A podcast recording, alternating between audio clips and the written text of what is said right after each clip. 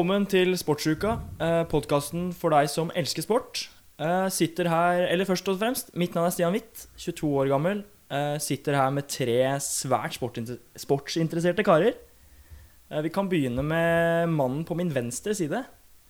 Hallo, jeg heter Ola Uthus. Jeg er 28 år fra Geilo. Hei, jeg heter Sebastian og jeg er 24 år fra Oslo. Mats Veksel Vekselsen, 31 år fra Oslo. Good. Uh, Ola, du har uh, noen idretter du er spesielt interessert uh, i. Kan du ikke fortelle litt om idrettslig bakgrunn, favorittlag og sånne type ting? Hvorfor sitter du her? Jo, det kan jeg gjøre. Jo da, Som vokste opp på Geilo, så er man jo ikke så mange valg. Da. Det er jo bar barneidretten. Det er fotball eller ski, da. Så ja, det har jo fulgt meg hele livet. Så alpint og fotball er på en måte de to ja, jeg driver med mesteparten av livet, i tillegg til sykkel. Og så det har den interessen også fulgt meg videre. Så jeg vil tørre å påstå at mine sterkeste sider er alpint, fotball og sykkel. Og mitt favorittlag er selvfølgelig Manchester United. Av eh, en viss herremann som skåra et mål på kamp nå i 99. Eh, og så har jeg i Norge er det Rosenborg, da, fordi moderen er trønder, så jeg hadde ikke så jævla mange valg. Ja, jeg kan gå gjennom samme selv. Eh, Jeg er fra Oslo, Nordstrand i Oslo. Og begynte egentlig på fotball først, men det er så morsommere å se på enn å egentlig spille. Det var ikke helt, helt det jeg var god på. Men eh, så fikk jeg med på meg et par ski, og det funka bedre, da. Så som Ola så ble det alpint, da, som var sporten min. Holdt på med det til jeg var en 15-16 år. Så røk det. Um, mamma er jo spansk òg, så jeg fikk jo en stor interesse for spansk fotball fra jeg var en to-tre år. Da ble jeg prakka på en Rivaldo-trøye med Barcelona, og en Raúl Spania-trøye, da. Så da var egentlig valget kjørt allerede. Da var det La Liga som ble på en måte min største interesse, sånn sett, da. Så jeg har fotball sykkel, sånn som Ola òg. Alpin. Glad i langrenn òg. De nordiske idrettene. Mats? Jeg er oppvokst på Manglerud. Eh, De første 15 årene så spilte jeg fotball ehm, og ble tilhenger av eh, Barcelona og med lokalt Vålerenga. Eh, De neste 15 spilte, jeg spil, spilte jeg og spiller innebandy og golf, som jeg har eh, stor interesse av nå. Og handikappet er Handikappet er blitt skrudd litt opp, så det er litt pinlig akkurat nå. Men eh, det er på 11. Kjempeflaut. Så kort og godt. Ja, eh, jeg heter Oasian. Eh, Spiller fortsatt fotball. Eh, Spiller for eh, Follo fotballklubb. Eh, Mest kjent for eh, cupfinale i 2010. Eller Kampfiksing. kampfiksing. Um, Rosa drakter. Og rosa drakter. Nei, rosa drakter. yep. Eh, spiller også golf. Eh, litt dårligere enn Mats. Har vel eh, Ikke veldig. 12,3 handikap eller et eller annet sånt. Snikskryt. Um, spesielle interesser for eh, ja, golf, fotball, eh, dart, snooker. Så Høres ut som en mann som drikker mye øl på bar. det blir litt øl på bar.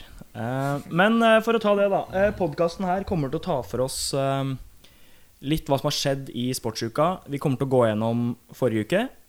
Og så kommer vi til å debattere litt, snakke litt om aktuelle ting.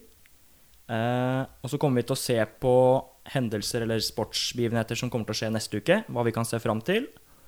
Eh, og så har vi et helt eget eh, fantasy-opplegg til slutt. Eh, jeg skal si litt mer om det etterpå. Og da ikke Fancy Premier League. Ikke noe Premier League fantasy-snakk i denne podkasten her. Det er nok av det andre steder. Eh, men vi kan begynne. Vi har en nordmann borte i La Liga. Martin Ødegaard. Eh, vi har jo to Jeg kan si det først. Vi har to La Liga-folk her, Sebastian og Mats, som er eh, veldig opptatt av La Liga. Og så har du meg og Ola, som er Premier League. Laget mitt er Liverpool. Ola sitt er United. Og så har vi Mats og Sebastian, som er Barcelona. Men Sebastian, Ødegaard, Real Madrid. Hva skal vi si om det? Det er dømt til å feile når du setter deg opp i tierrollen. Altså Du ser fra 2014 til nå, så har de prøvd på samme starten av hver sesong. Det var når de først kjøpte inn Hames, at de skulle få inn den tierrollen etter VM. Aldri funket. De prøvde med Hames, Isco, Ascencio, nå Ødegaard. Ingen får til rollen. Modric og Kroos får ikke til å spille med en ti foran seg. Og likevel så insisterer hver eneste trener på å få inn en spiller her, da. Funka med Øsil, da. Jo, Lenge, men det, det er jo lenge før dette her, med helt andre trenere, andre midtbanespillere. Det var ikke med Modric og, Modric og Kroos. Så som sagt, når du bygger opp den stammen da, med Modric, Modric og Kroos, og så skal ha en ti foran, så har det aldri funka. Hvorfor insistere på å gjøre det år etter år etter år etter år i fire-fem kamper, og så driter du i resten av sesongen?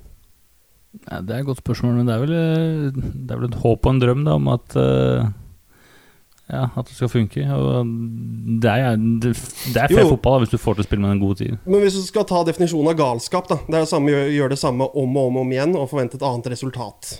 Ja, Det er skjønt, det er skjønt. Men hvis vi eh, ser på det som nordmenn, da. Eh, vi har altså Martin Ødegaard, Norges kanskje beste fotballspiller, i Real Madrid. Kanskje verdens største klubb. Eh, Mats, kan du Hvor stort er det egentlig? Den typiske Vet du hvor stort det er?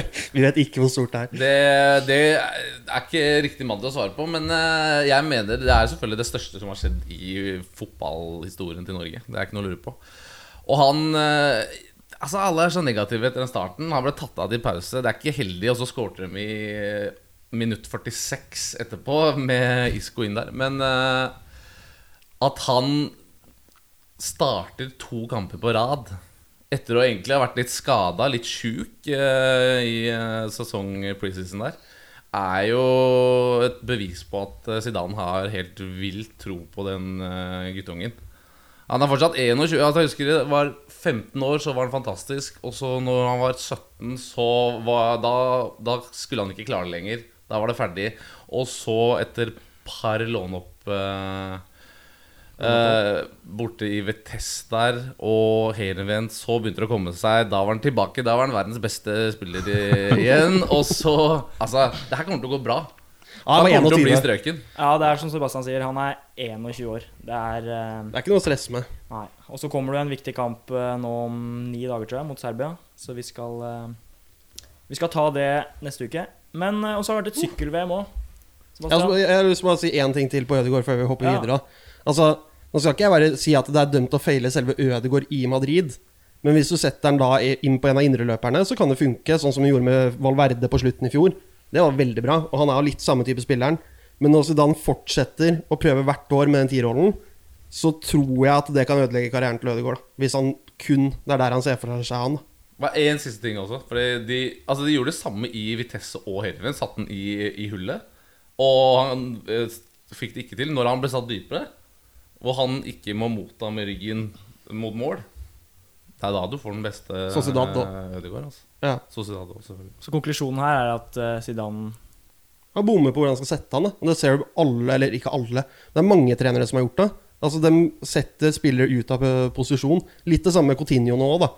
Når han kom til Barcelona, skulle absolutt spille han en rolle han egentlig ikke er god på. Funker ikke, og så skal han til Bayern, og så er han ræva, bla, bla. Kommer han tilbake nå? Riktignok kun etter én kamp, kanskje litt tidlig å dømme, men han ser ut som en helt ny spiller når han får spille der han egentlig funker. da Og jeg tror det blir litt det samme som med Ødegaard òg, da. Ja, du nevner jo Barcelona. Eh, Barcelona har jo starta La Liga også, med en eh, 4-0. 4-0-seier. Mm. Ansu Fati, hva sier du da, Vex? Ja, da sier jeg eh, den eh, neste Messi, ass. Eh, greit. Det, det, er store jeg ord. Går, jeg går, jeg går Veldig høyt høyt. ut, men det var veldig symbolsk når um, Jordi Alba kommer på overlappen, legger ut 45, og Messi, nei, Ansu Fati kommer rett foran Messi og skårer. Hvor Messi er en meter bak han. Det samme ser du på neste målet, hvor Coutinho kommer med ballen, ser på Messi. Hadde alt 100 av 100 spilt den uh, Spilt den støttepasninga til Messi, men så på Messi, så bort. Spilte ut til Ansifati. 2-0. Og eh, han er fortsatt 17 år, altså. Hva er det som gjør Ansu Fati så fantastisk? Jeg, har- jeg, jeg, har ikke sett noen ting av ham. Det er det at han tør å på en måte spille sitt spill uten å Fordi det, det er veldig mange unge som kan komme opp og bli litt superstjerner på at de får en del tap-ins. Folk hjelper han mye på, på en måte veien for å bli god, da. Men Ansu Fati gjør jobben sjæl. Det er litt sånn som du så med Messi da han var ung. Han tren, trengte på en måte ikke å få sinnssykt mange ville pasninger til seg. sånn. Han kunne godt dra inn tre-fire mann da, og så sette den i kassa. Det samme er det med Fati. da Motsetning til mange andre talenter som spesielt i Barcelona, hatt Messi til å gjøre den jobben for seg. Her kommer Fati og gjør jobben selv. Jeg syns det Altså, den, eh, det som er eh, den største sammenligninga med Messi, er at han er så uredd. Da. Det er mange som har de samme kvalitetene. Er kvikk med beina, kan dra inn på spillet. Men han virker uh, helt uredd, og i tillegg til det så gjør han ofte det riktige valget. Og uh, helt sykt, sykt skudd. Skyter alltid i steget. Det er, det er spennende. Altså. Han er, er ikke myndig ennå, liksom. Er det, ny, er det nye Messias? Ja, det, det Jeg tror han kan ta over eh, tronen, faktisk. Men det, er, det er litt tidlig å si. Liten kommentar til det du sier her som jeg synes var litt gøy. Det er jo Budwiser som sponser eh, Man of the Match i La Liga. Den ville jo gi den til Ansu Fati, men hadde ikke lov, for han var ikke myndig. Så han må ennå vente et år før han kan bli Man of the Match. Da. Er det sant? Det er sant, det. Så han ble ikke Man of the Match, da, for han var ikke 18 år. Ja, det var vondt når du får den, så vet du at den er jo ikke min. Ja. Alle visste at den var fatet sin. Han har hatt fem-seks allerede. Da, hvis, uh... Ja. Så kan man debattere litt på det der med Messi. Hvorfor gir han ikke eh, straffen til fatet? Hvorfor gir han ikke hans første hat trick? Det støtter jeg av Messi. Altså, Ja, Messi er straffeskytteren. Ja, Fati har skåret to. Jo, man har gjort det tusen ganger før. Suárez Neymar hjulpet dem opp for å få sine hat tricks, få litt bedre statistikker. Men Det kan jo være med at Når du er 17 år, det er mye press på deg. Hvis du bommer der, så Det er jo noe med sjøltillit. Hvis du bommer der, så kan det gjøre jævlig vondt. Da. Jeg tror rett og slett det bare er han gjort, men eh, Messi pleier å gjøre det. Men spesielt når folk er litt sånn dårlig form. da Ja. det er sånn, Jeg synes det er greit at han kick, eller åpner sesongen med scoring, han òg. Spesielt etter alt dramaet. Ja, du nevner drama. Det har skjedd et par ting i Barcelona siste tida. Det er korrekt. Det er relativt mye kaos eh, etter at Messi ville dra. Endte opp med å bli, eller ble mer eller mindre tvunget til å bli. Um, nå har det jo uh, Nå er jo styret under press og har fått gjennom en sånn Jeg holder meg ikke på det norske ordet, men en vote of no conference. Og styret, le styret leste jeg i går, er satt for å ta den vurderinga av de uh, sedlene. Så får vi se da om eh, godeste Bartumeu ikke blir skitta på dør. Og det hadde vært helt nydelig.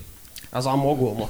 Enkelt og greit. Altså, når du har fått inn Kravet var vel 16 000 stemmer. De har fått inn over 21 000. De skal valideres, riktignok. Det er derfor det tar tid nå. Men jeg tviler på at over 5000 stemmer er fake. Altså, De har gjort dette på en profesjonell måte. Mannen som har gjort dette, her er jo han som tapte presidentvalget mot Bartomeo sist. Så altså, det er jo ikke en random kar som har gjort dette her. Dette er jo en fotballpolitiker, da, hvis man kan si det sånn. En grinebiter, eller? Ja, litt grinebiter, det kan du godt si. Men jeg tror nok mange angrer på at ikke han vant. Sånn sett i retrospekt, hvis du ser hva som på en måte har skjedd med klubben nå.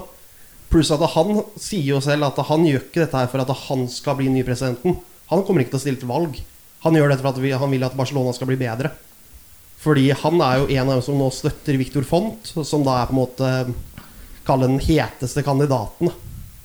Så ja, du kan sikkert si at han er litt grinebitter, men eh, jeg er for det. Jeg vil at han bare skal ut. Det. Men hvis uh, det skjer nå, så kommer det kanskje um, en framskyndet eh, presidentvalg.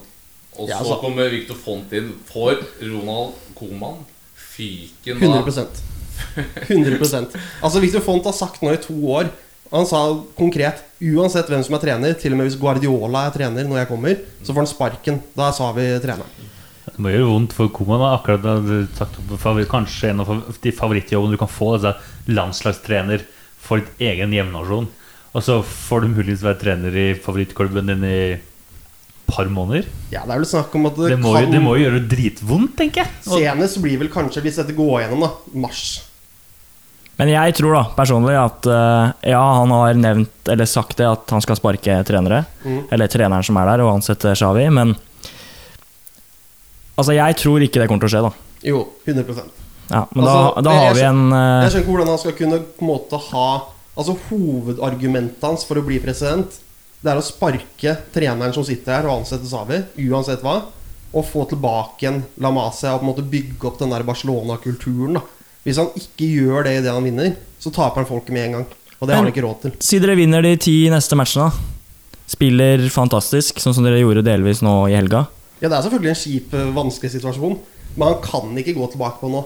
Tre år med på en måte presidentkandidatur for å ikke følge opp hovedsaken sin. Men hvis, klubbene, altså hvis klubben vinner kamper, så ser ikke jeg helt problemet med å Hvis man skal få med Chavi på det her, og han er jo i diskusjon med Victor Font hele tiden. Eller i prat med han. Og hvis han sier at 'jeg går ikke inn der nå' og tråkker på Ronald Koeman, som er legende i klubben, så, så skjer det jo sikkert ikke. Ja, Det er det eneste som kan sette en stopper for det, sånn i mine Ja. øyne. At Savi sier nei. Men Savi sa jo også nå i sommerferien typ, at eh, han tar Barcelona-jobben nå, hvis han får. Han fikk Men- muligheten sånn to måneder før det. Ja, da, da takket han nei, men så så han hva som skjedde, og alt med Messi, bla, bla, bla. Og dette snakker vi om etter Koman fikk jobben, bare så jeg har sagt. Så sa vi i seg at han tar jobben. Man har, altså, ah, Jeg er jo selvfølgelig har veldig troa på Xavi. Og Du er inhabil. Alt, alt, jeg er inhabil. Begge er inhabile. alt, alt han står for, og hvor fotballsmart han er. Men den fallhøyden er høy, altså. Men hva er det han har å melde seg altså, av trenerkarriere? da? Han har han ikke bare vært borti uh, Assad. eh, Saudi-Arabia. Er det Saudi-Arabia? Han liksom, har han noe Holder det? ja, er, han liksom god fotballtrener? Og har han, hva, har han, hva har han av fotballutdanning? Altså, han, har, han har full sånn Fifa Pro-lisensgreier, så altså, akkurat det er det ikke noe å si på. Men han har ikke noe erfaring. Men til gjengjeld, da, så har han Det hadde ikke Zidane heller. Bare så jeg har sagt Altså Zidane sin erfaring kontra uh, Savi sin erfaring cirka lik. Altså Nå snakker vi om Zidane når han kom opp fra Castilla til Jo, men det er jo akkurat det med, det med Zidane, det at han faktisk var i klubben og spilte på en måte Jo, men forskjellen der, da Zidane der, spilte i Real Madrid i seks år, noe sånt nå. Savi er født og oppvokst i klubben. Altså Han trenger ikke å være trener i klubben for å vite hvordan han skal spille fotballen deres. Nei, Han har mente spilt jeg mer at du lærer det beste da, hvis du på en måte er med på treninger og Zidane var jo, han var jo coach for eh, Castilla i to sesonger eller noe, Mm. før han eh, ble kasta rett opp. Det er litt sånn pep, eh, men ikke Ja. det samme i det hele tatt, selvfølgelig. Men for å avslutte, da. Det skal ikke bli en ren Barcelona-podkast. Det er greit. Um, det fins jo andre idretter òg. Det kommer til å bli mye fotball i podkasten her. Eh, men vi har også hatt et sykkel-VM. Eh, og jeg skal være ærlig på å si at sykkelinteressen min har avtatt litt nå siste tida. Tour de France var ikke like gøy når det var eh, korona og det ikke gikk i sommerferien.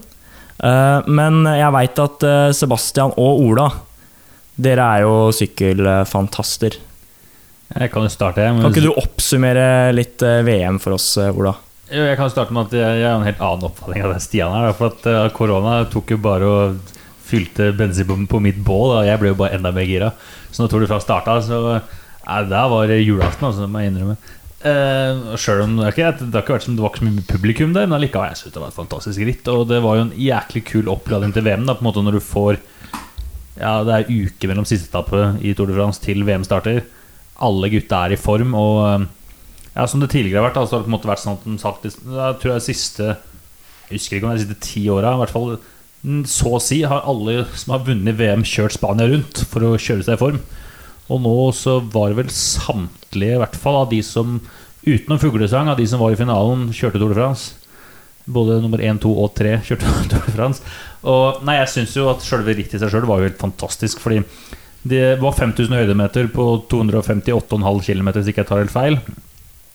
Og eh, en rundløype på 26 km eller annet, som hadde start og mål på Ibola-banen eh, til ja, Ibola. Den heter vel eh, Ja, det er Enzo Ferrari sin egen bane. Det er jækla kult. Og Sjukdommen, liksom. Det er viruset. Ikke ebola. Ibola. Å ja. ja, den vitsen tok jeg ikke. Ja, Ibola, ikke Ebola, men Ibola. Ja. Det er en, eh, det er en liten by. Og uh, rett utafor ja, hvis, du, hvis du har fulgt med på Formel 1 noen gang, så det som da het eh, eh, San Marino Grand Prix, det gikk på den banen. Og eh, nei, rittet i seg sjøl var som sagt dritfett, syns jeg, pga. at eh, du visste at skal du klare å vinne litt der, så må du være steingod og typ litt sånn klassikerrytter. av Litt Ardene-type. Så jeg hadde jo på en måte noen favoritter, og storfavoritten min, han ble nummer to, altså eh, Van Ert. Unnskyld, jeg måtte hoste. Van Ert, ja. Eh, du, måte, du, man så på en måte litt på avslutninga altså etter at Filip stakk av, at Van Ert ble litt sånn som tidligere vært med Sagaen. Han ble sittende, Alle ble sittende og se på han. Du får ta jobben, for vi vet at du spurtsler oss. Og Men akkurat der har jeg lyst til å slite en ting. Hvor dårlig er det ikke av Roglic at han ikke tar et drag der? Altså Nå har van Ert jobbet for han i tre uker hver dag gjennom Tour de France for at han skulle få den gule trøya. Og så tar han ikke ett trekk for lagkompisen sin. Ja, de er ikke fra samme nasjon, jeg skjønner det. Men alle vet at Roglic ikke har tatt noen medaljer uansett hva. På slutten der Altså Han kan ikke spurte. Alle andre er bedre enn han til å spurte. Hvorfor tar han ikke hjelp av lagkameraten sin? Da hadde han hatt VM-trøya i Jumbo, Jumbo Visma. Nei, jeg er helt enig. Så du tenkte på det samme sjøl. Jeg irriterte meg egentlig over. At det bare ja, når du har hatt, så, Som du sier, at van Ert har vært liksom, din våpendrager i Tour de France i tre uker. Ja, greit, du, du feila på slutten, men allikevel. Han var kanskje en mann som gjorde at Tour de France ble så lett for Roglic som det til slutt ble. da Altså Uten van Aert så hadde ikke Roglic vært i nærheten av gul trøye. Nei, i hvert fall ikke så lett, i hvert fall. Van Aert syns jeg kjørte helt fantastisk. Ja, jeg, så jeg er enig med Sebastian at uh, Roglic burde tatt en for uh, laget der og lagt seg i front og kjørt inn alle Filip. Nei, så, så dårlig. Så den er utrolig fortjent, da. Altså ja. Ale Filip har hatt et tøft år, mista faren sin. Ganske sånn- rørende øyeblikk etter målgangen der òg. Seiersintervjuet. Når han ligger der og griner og klemmer kompisen sin, og det er, det er fint, altså. altså. Han fortjener det. Altså, jeg liker van. Ert best selv, men når det ikke blir van Ert, da, så syns jeg ikke noen andre skulle vunnet enn Ala Filip. Det er Jeg er helt enig. Ala Filip er en av mine favorittsyklister. Han har vært på en måte siden han slo gjennom egentlig helt fra, helt fra jeg fulgte han når han kjørte på eh, Altså han kjørte på utviklingslaget til Quickstep. Allerede da tenkte jeg at det er en rytter som er dritkul å se på. Ja, en- han tør å kline til, da, som han gjorde her, og som han tidligere gjorde i uh, Milan San Remo, da han faktisk tok han i spurten. Men ja, jeg elsker sånn type rytter som tør å kline til, som ikke er redd for Ja, som ikke er redd for å drite seg ut. da Altså, Du må ta sjansen for å vinne, og det gjorde han. Og når han gikk, så tenkte jeg at det der holder ikke. Men eh, det, ja, det gjorde det, og det syns jeg er dritmoro. Jeg. Kan jeg spørre om en ting? Ja. Altså, eh, Jeg kan ikke veldig mye sykkel, men, eh, men jeg har hørt om han der supertalentet som har vunnet sånn Alta cyclocross i årevis. Sånn. Det er van Ert, Det ja. Ja, du har en Jeg til, skulle ja, bare- Van der Poel. Ja, van de Poel òg. Som du, det er en av de to du har hørt om når begge to har liksom delt på å vinne VM i cyclocross. Ja, for det, er en som ikke har vært i Tour de France før i fjor. Van Ert. før i fjor. Ja, da Ja, han var tre ganger verdensmester i cyclocross. Ja. Det er, han er helt vill. Enkelt og greit. Det er utrolig kul rytter. Synd man Tour de France i fjor. Da kjørte han inn i gjerdet og punkterte seg sjæl, hvis man kan si det sånn. Han ble spidda i gjerdet. Så Kjørte ratt inn i gjerdet på tempoen. Ja. mm, Men hvis vi skal oppsummere sykkel-VM med ett ord, Ola, hva vil du si da? Kort. Kort, Sebastian? ett ord. Ja, bra. Bra. Har du noe der, Mats?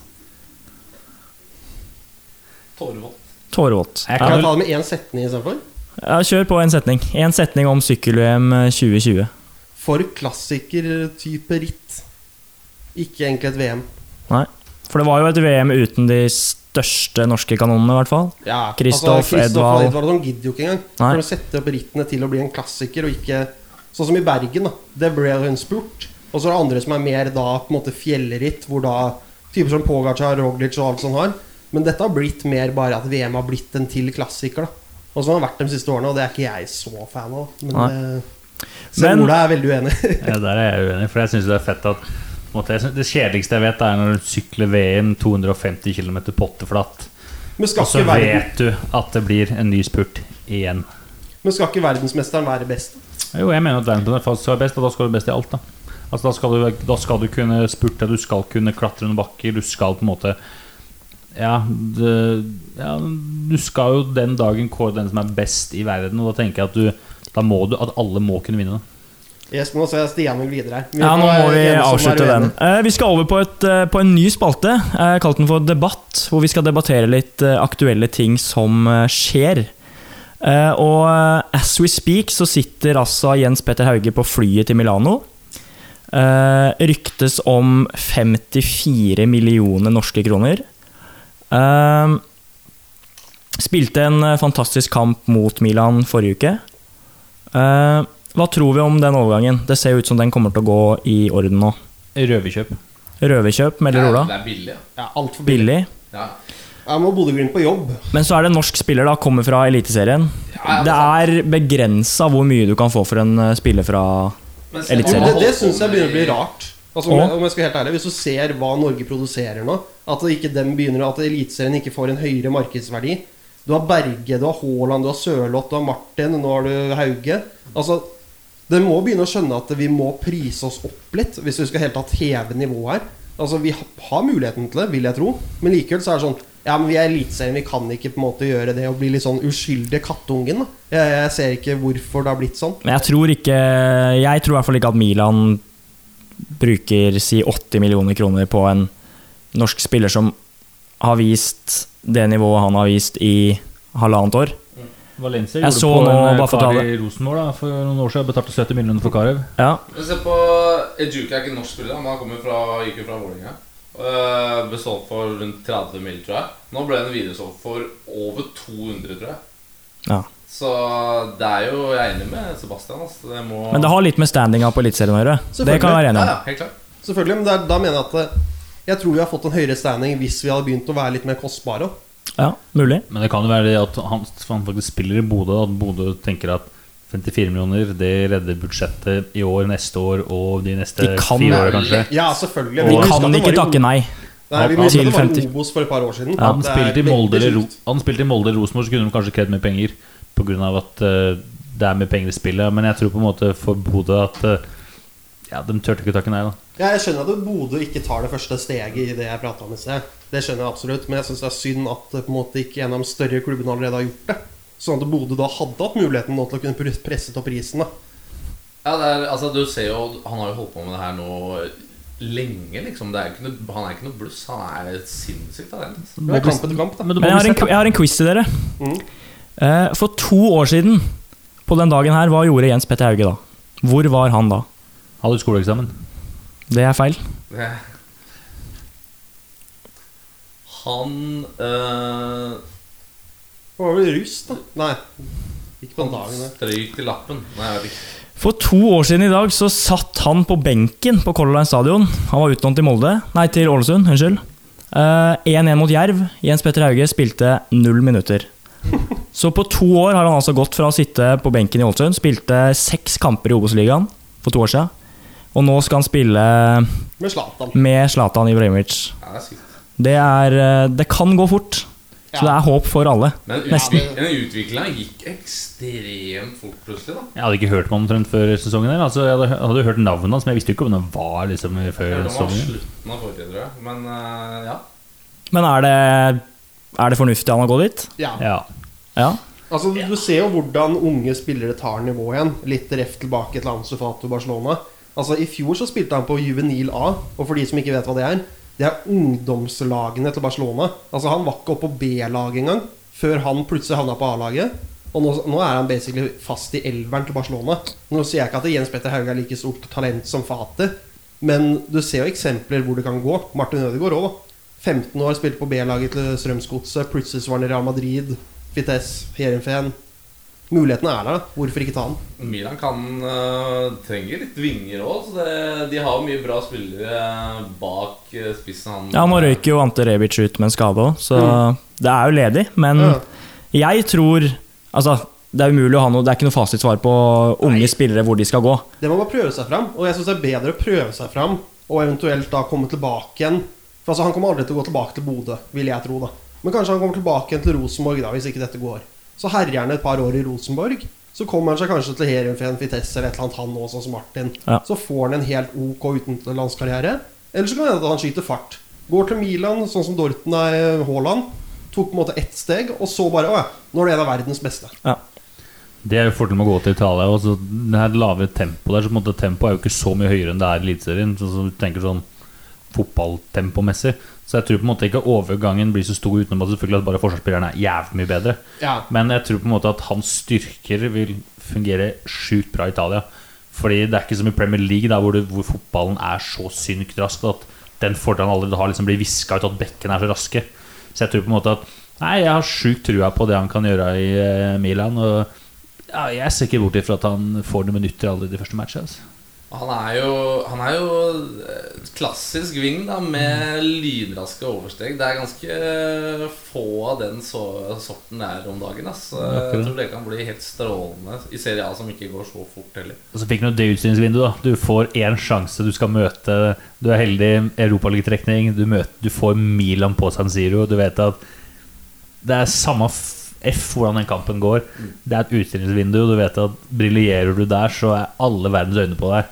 Og jeg regner jo med at når siden avtalen gikk så fort, at, at det, det gir meg litt assosiasjoner til når Ronaldo gikk til, eh, til eh, United. Hvor United-spilleren måtte sitte i garderoben og lure på hva er det som skjer.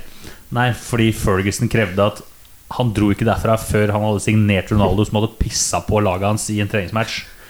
Og det gir meg så assosiasjoner, så jeg tenker at det samme Uten sammenligning. For øvrig. jeg tenkte faktisk de samme tankene. Jeg kødder ikke. Jeg, jeg, jeg ble litt dratt tilbake til det greiene der, faktisk. Så sies det også at det er Maldini spesifikt som har hatt lyst på Haugo. og det gjør det jo litt kult òg. Det Altså. Han har jo også snakka med Maldini personlig. mm, Hatt samtale Maldini, med Det han. er ikke noe hva skal man si, for noe mer va vakrere enn Maline du finner i fotballen. Da. Skal spille med sønnen nå, da, etter hvert. Ja. Jeg kan være sånn Danielle? gjelder. Ja, Ja. sånt, ja. Men så er det litt sånn spilletid, da. Man hører jo ofte at uh, unge spillere må komme seg ut og faktisk få spille og få tillit. Uh, tror vi at Jens Petter Hauge kommer til å gå rett inn i AC Milan? Eller blir det litt naivt å tro? Han går inn i troppen, tror jeg, så jeg tipper at han får noen kamper fra benk. Og så Men er troppen bare er stor da i serien. Må ikke glemme det. veldig stor. De har vel fire eller fem spillere mer enn Premier League og Ja. La Liga. Så at han er i troppen, er jo ikke noe tvil. Men har du fem bytter nå, eller? Ja. Ja. Så altså, jeg tror nok han kommer til å få spille litt. Kommer til å få prøve seg litt. Og så er det det å ta sjansene.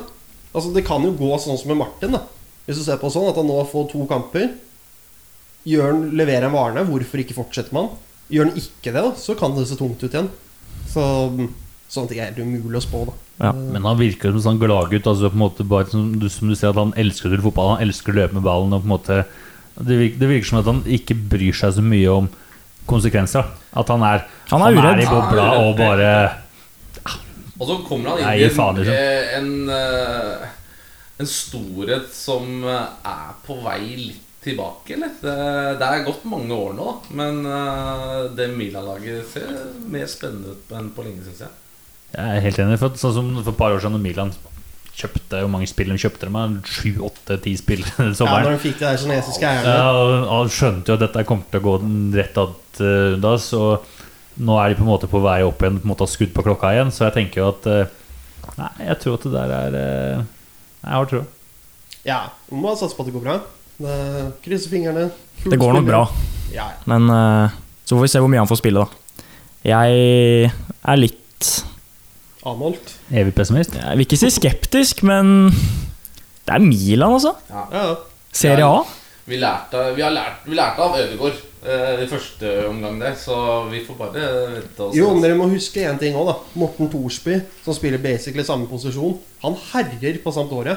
Så altså, det er ikke sånn at dette er en enormt stor liga lenger hvor det er vanskelig å spille bra.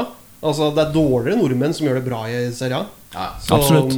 Har jo han der andre, han, som- han unggutten han som spiller i Som jeg egentlig ikke vet hva heter engang, som også spiller, spiller kan Sampdoria, han òg. Han, Vi har vel en Palomba eller et eller ja, et annet. eller annet sånt. ja. En fyr jeg ikke aldri har sett. Jeg har bare skjønt at den han er norsk. forsvarene i Serie A går- er så treige at han kommer til å ta livet av de bekkene. Kødder ja. ikke. Og sett Beistan Celina gjøre det òg. Det, er- er ikke en liga som er umulig å prestere i. Så hva tror han på han? Vi får eh, krysse fingra for Jens Petter Hauge, som også nå er tatt ut på A-landslaget. Eh, og så har vi Jaden Sancho. Og jeg vet, Ola, at du har eh, litt du skulle si om ja, Litt om Sancho og Manchester United. Ja, jeg blir irritert bare av å tenke på det. da eh, Ser ikke bra ut.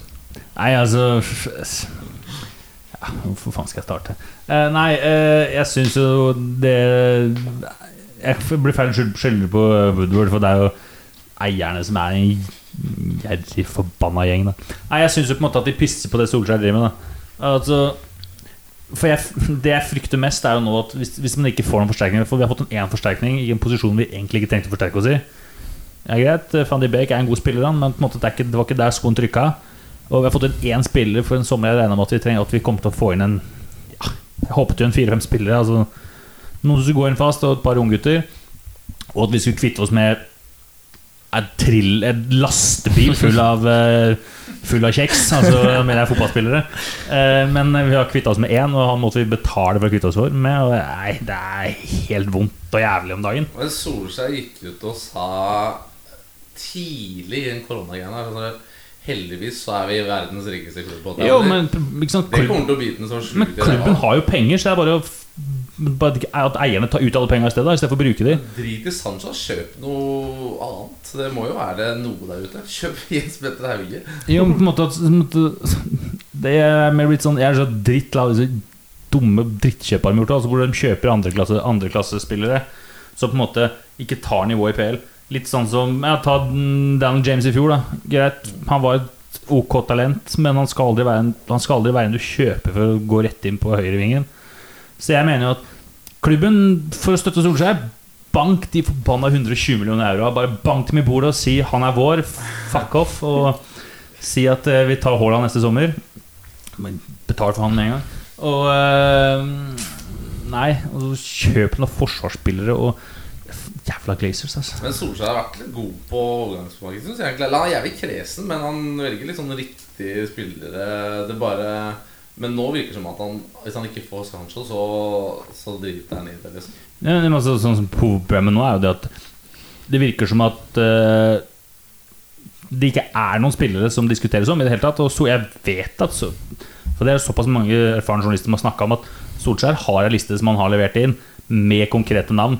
Og, men problemet altså, det, er ikke, det er ikke at vi ikke har fått spillerne, det er at klubben har faen ikke bydd. Det er det som irriterer vettet av meg. Altså, det, har, det har ikke vært ett jæklig offisielt bud på Sancho, og du begynte å snakke om han i april. Det er et halvt år, liksom. Nei, i fjor var det ikke. Jo, men altså, De begynte å snakke om at nå skal de kjøpe den i sommer. Ah. Og i april og så kom denne fristen, og de begynte å snakke om at eh, fristen gikk ut til t- 10. august på han. Hele den uka. Masse rykter på at nå skal den by. Sjekk en dritt.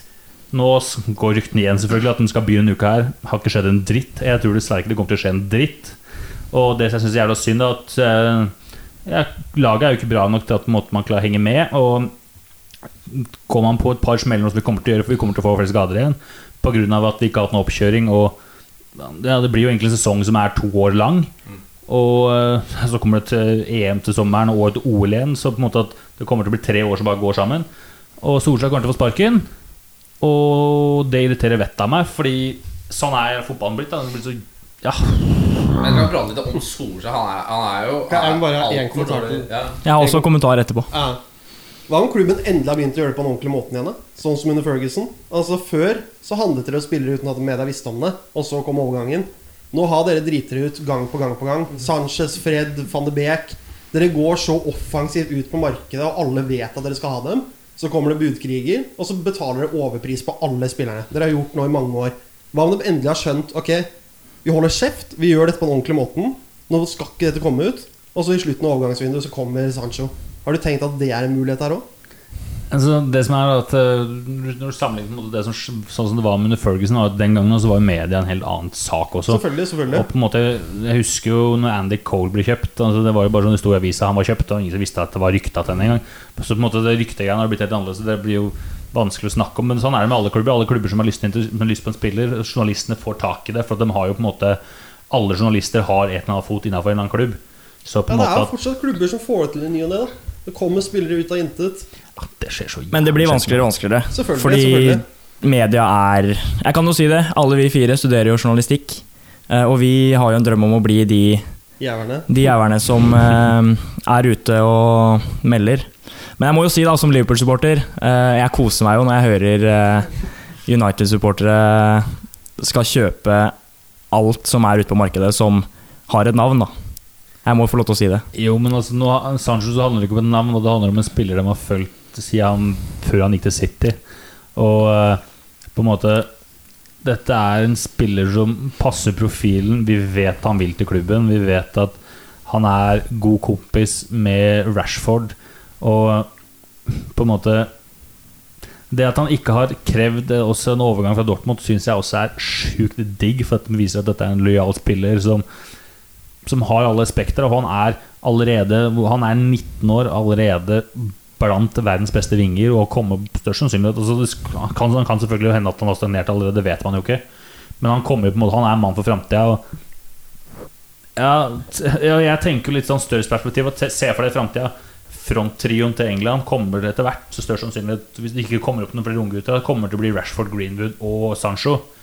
Tenk å ha de tre både på klubblag og på landslag. Det vil jo i hvert fall gange England, som har driti seg ut gang på gang på gang på gang på gang i mesterskap. Hele Golden Generation dreit seg ut. Alle feila.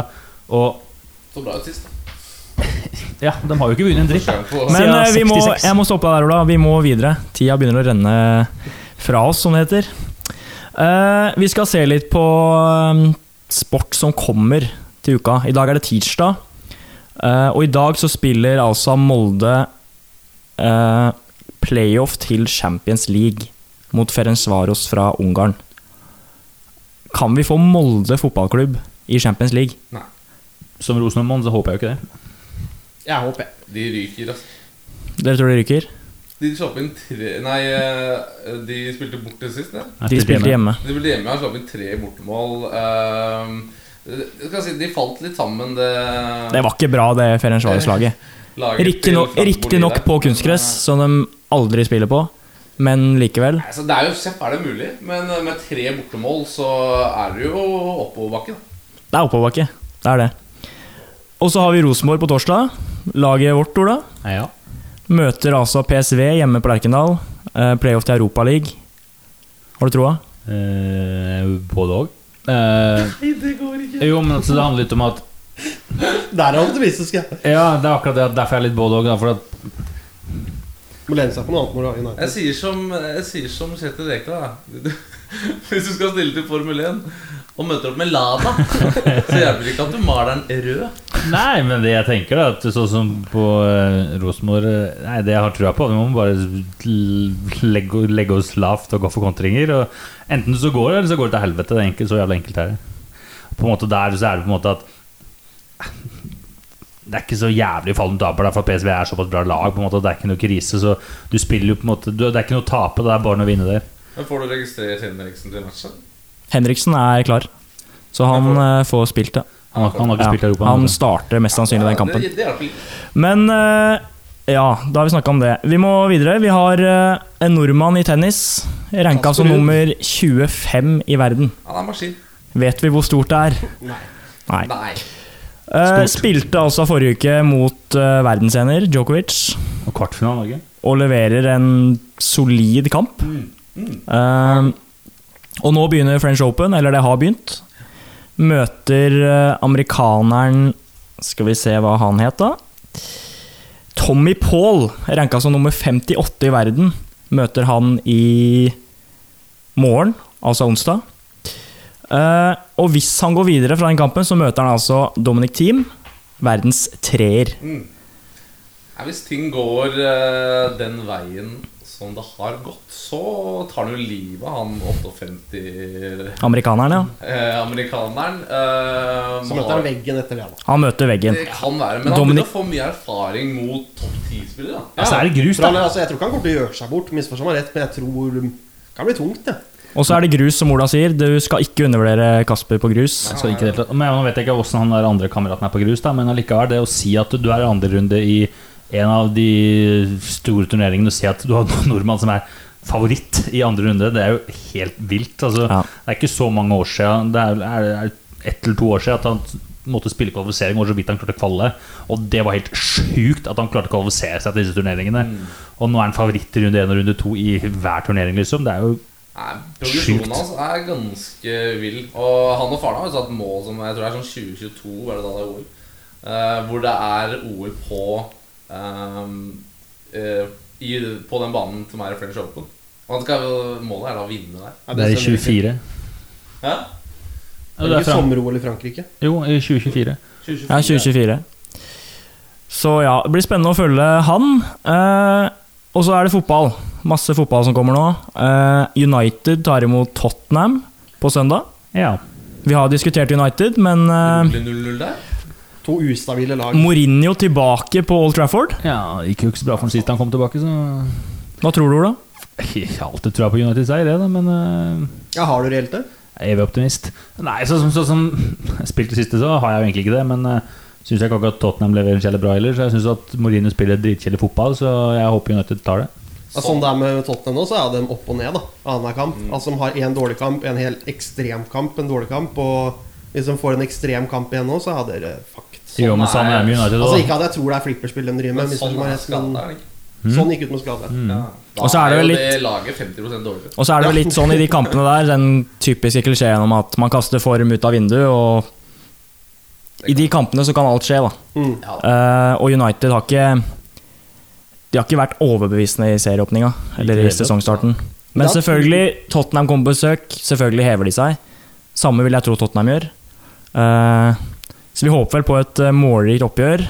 Og så tar vi, så tar vi gjerne en eh, borteseier. Jeg håper vi får se Sergi Regulon på venstrebekken. Han var eh, helt rå for Sevilla i fjor. Altså. Ja. Jeg regner med at han starter. Han, jeg tror han, han, han burde i hvert fall være troppen. Og så er vel fortsatt Gareth Bale er vel fortsatt ute, så han blir vel ikke klar. Bale spiller golf. Bale spiller golf. Bale spiller ikke mange kampen i år. Eh, Han hadde jo på en måte, bare før vi hopper videre derfra Han hadde jo velkomsten sin på golfbanen sammen med Danny Levy. Han. Så, han er godt tilrettelagt i London. Ja, han spiller inne i London òg. han spiller mye golf. Også seinere på søndagen òg. Er det noen som vet handikappet hans? Jeg tror han er nede på sånn eh, 3-4. Altså. Ja, det kan stemme. Senere, nå skal jeg snakke. Senere på søndag så har vi Barcelona mot Sevilla. En ordentlig godbit. La Liga-gutta. Nei, jeg, det, jeg eh, tror det kan bli tap, altså. Sevilla, det Sevilla-laget ser bra ut. Her har vi bygd opp Barcelona det hele episoden. Jeg tenkte det blir plankekjøring. Nei, det, eh, det, blir, det, blir, det, blir, det blir en sjuk match, tror jeg. Men eh, Sevilla Altså Det de holdt på med mot Bayern München, var jo veldig imponerende. Da. De holdt dem til 1-1 og tapte på overtid i Supercupen. Men, eh, men jeg ble også veldig imponert av eh, den nye 4-2-3-1-en til eh, Ronald Koeman. Så jeg tror det kan bli spektakulært. Altså. Så er det litt sånn Hvis du ser på forrige kamp for Sevilla, da vinner de 2-0. Monir, Rakitic. To Barcelona-spillere som vi har solgt til Sevilla, som nå kommer og skal møte med Barcelona igjen. Altså Det er jo Barcelona-gutta som er i form i Sevilla òg. Så altså, det blir jo en rar kamp på alle mulige måter. Selv om på en måte Rakitic er en gjenvendte sønn og hele den historien der. Men øh, nei, jeg er litt mer positiv enn deg. Jeg, jeg tror Jeg syns det ser så bra ut nå. Altså Når du får inn liksom Trincao, Peder alt sånn på slutten av Villarreal-kampen, som spiller kanskje sine beste innhopp, da. Og det Ja, er det innbytterne så våre. dritbra ut, faktisk. Ja. Også. Nei, det, herregud, jeg har, jeg har trua, men det har blitt litt Det har blitt med rette ganske negativ eh, Barcelona de siste årene. Men tør dere å spå noe resultat? 2-2. 2-2, sier Mats. Jeg tipper inn 3 eller fire igjen. 3 eller 4-1. Det Ola, er har du stor forskjell på gutta som er Barcelona-supportere. Ja, ja. Jeg håper Sebastian var rett. Selvfølgelig. Men så oppsummert så har vi masse å se fram til i uka som kommer. Gleder meg. Eh, vi skal fram til siste spalte for i dag. Eh, og Sebastian, vi har lagd vår helt egne fantasy Vårt helt egne fantasy-spill, kan vi kalle det. Kan ikke du fortelle litt? Hva er det for noe? Ja, Det går egentlig hovedsakelig ut på at vi velger Altså Kriteriet er at man skal sette inn én eller to bet. Hvis man har to, så må det være én enkeltutøver og ett lag. Hvis det er én, så kan du velge om det er en enkeltutøver eller lag. Da må vi gå inn og finne oddsen på at de skal vinne i løpet av Eller på det arrangementet som kommer da i løpet av neste uke. Ja.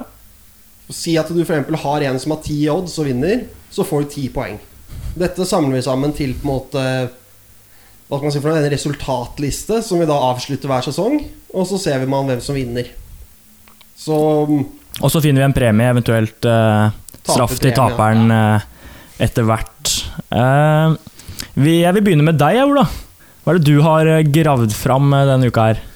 Nei, altså Jeg har litt, lagt dessverre litt lite i det, for jeg syns ikke det var så mye fett som Altså sånn Av oddsmester som er gøy og interessant eh, neste uka, for det skjer jo mer Sånn som når vi nærmer oss vinteren, på en måte når det er og andre ting når det er flere individuelle utøvere med, så blir jo oddsen mye gøyere. Ja.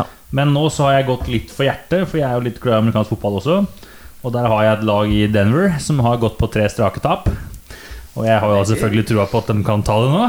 Sjøl om jeg syns at oddsen er altfor lav, for de har jo bare 1,62 i odds for å vinne på hjemmebane, og de har tapt tre kamper. Men eh, Så der er oddsen da 1,62. Og jeg må jo bare tro på det. Og så går jeg for en som jeg vet ikke går inn. Det er en høyoddser. ja, eh, en 21 i odds på, eh, på Mikael Ymer, som møter eh, Djokovic, men som har 1-0-1 i odds. Ja. Så du går for uh, Null poeng på Ola til neste Du går for uh, null poeng på Ola, ja. Så der går jeg for uh, Ymer. Som Sebastian, hva har du valgt ut? Ja, jeg, jeg har kjørt uh, en som jeg er mer kallet sikker på. Ja. Altså Bare for å legge til det reglementet òg, da. Eh, når man tar en enkeltutøver, så går det da opp til topp 15-plassering. Så for eksempel, for å gjøre det enkelt, hvis du har 15 i odds, og han kommer på 15.-plass, så får du ett poeng. Så, så da deler man rett og slett oddsen på plasseringen hans opp til topp 15. Kommer han utenfor topp 15, så får du null poeng. Så jeg valgte Mats Pedersen på første etappe i Bing Bang Tour. Han har ti odds, tidligere verdensmester. Ja, jeg tror på at han i hvert fall kommer innenfor topp ti. Så prøv å hente litt poeng der.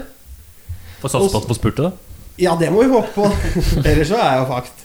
Og så har jeg satt en høyoddser her, jeg òg. Det går litt på form, da. Enkelt og greit. Le- Leeds møter jo City hjemme. Og har fått den pene oddsen i ni odds Ni Leeds. hjemme mot City. Så, og City ser jo ikke imponerende ut. Leeds begynner å imponere litt. Så det er min lille bingo nå, da. At Ja. eh, Leeds skal slå City. Det er gøy odds. Jeg liker jeg Leeds likte- jeg likte og Pedersen. Notert. Mats? Jeg har altså gått for en spansk variant. Det er Albertis som har fått Pellegrino som eh, trener. Så jeg har fått fiksa litt det forsvarsproblemet som har hatt. Alltid sett bra ut framover. Borte mot Getafe. 3,40 i odds, hvis jeg ikke tar feil. Og så har jeg en spillervariant i NBA, hvor uh, Lakers møter Miami Heat. Uh, hva den oddsen er, vet jeg ikke ennå, for det kommer litt sånn nærmere. Det tar vi i eh, oppsummeringa neste uke. Og det er at LeBron James, basketverden Cristiano Ronaldo uh, Altså, MJ er selvfølgelig Messi. Um, han, han da er en, det, det vi kaller for en uh, double uh, Nei, triple double. Ja. Det vil altså si at han får uh, tosifra poeng i enten poeng, rebounds, assists, steals eller blocks. ja, han skal ha tre av de, da. Og i, han skal ha To av de Nei, han skal ha tosifra poeng i, Ja. i tre av de for å klare dette her. I- Og det har han jo gjort ekstremt mange ganger, da. Ja. Men jeg syns, jeg syns det var en kul odds. Men er det i kamp én eller eh, kamp to, kamp tre? Dette er vel kamp Kamp. For det kan Jeg hende at det er er over to kamper neste uke. Ja, Da må du nesten bestemme deg. Det er første og andre kamp som kommer denne uka. ja, den går i eh, natt. Ja, okay. da er nok, Altså natt til onsdag. ja, for da er det nok flere kamper til neste uke, men da går vi for første match. Ja. Ja. det. Eh, og jeg er såpass selvsikker at jeg har valgt kun ett spill. Og det er et lag. Jeg har Molde videre til 3.05 i odds. Eh, jeg likte det jeg så av Molde hjemme mot Ferencvaros.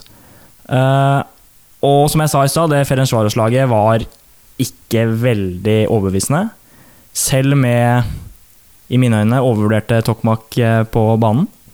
Så jeg har da Molde videre til 3.05 i odds. Men likte du det du så Molde hjemme mot Sandefjord? da? Den matchen så jeg ikke, men det er, typ, det er typisk eh, Hadde 0-1 eh, to dager der. Det var ikke Men så veit man at lag hever seg når de skal spille om. Champions League og spille om 250 millioner kroner. At du ikke tok Rosenborg? Jeg har Molde, og jeg, stå, jeg, jeg står ved det. Som Rosenborg-mann, er skuffende. Men vi eh, begynner å bli ferdig. Eh, vil bare minne om at vi nå har en eh, flunkende fersk Instagram-konto. Og den heter Sportsuka. Sportsuka der, altså. Eh, så må vi også få gi en shout-out til vår gode kompis Erik Sjarma for at vi får sitte i leiligheten hans og spille inn de greiene her. Så har vi også laget en liten promovideo. Og en liten takk til Thomas Nilsen for å få låne hockeyutstyr. Så takk til dere to. Håper dere hører på. Og så snakkes vi igjen neste uke.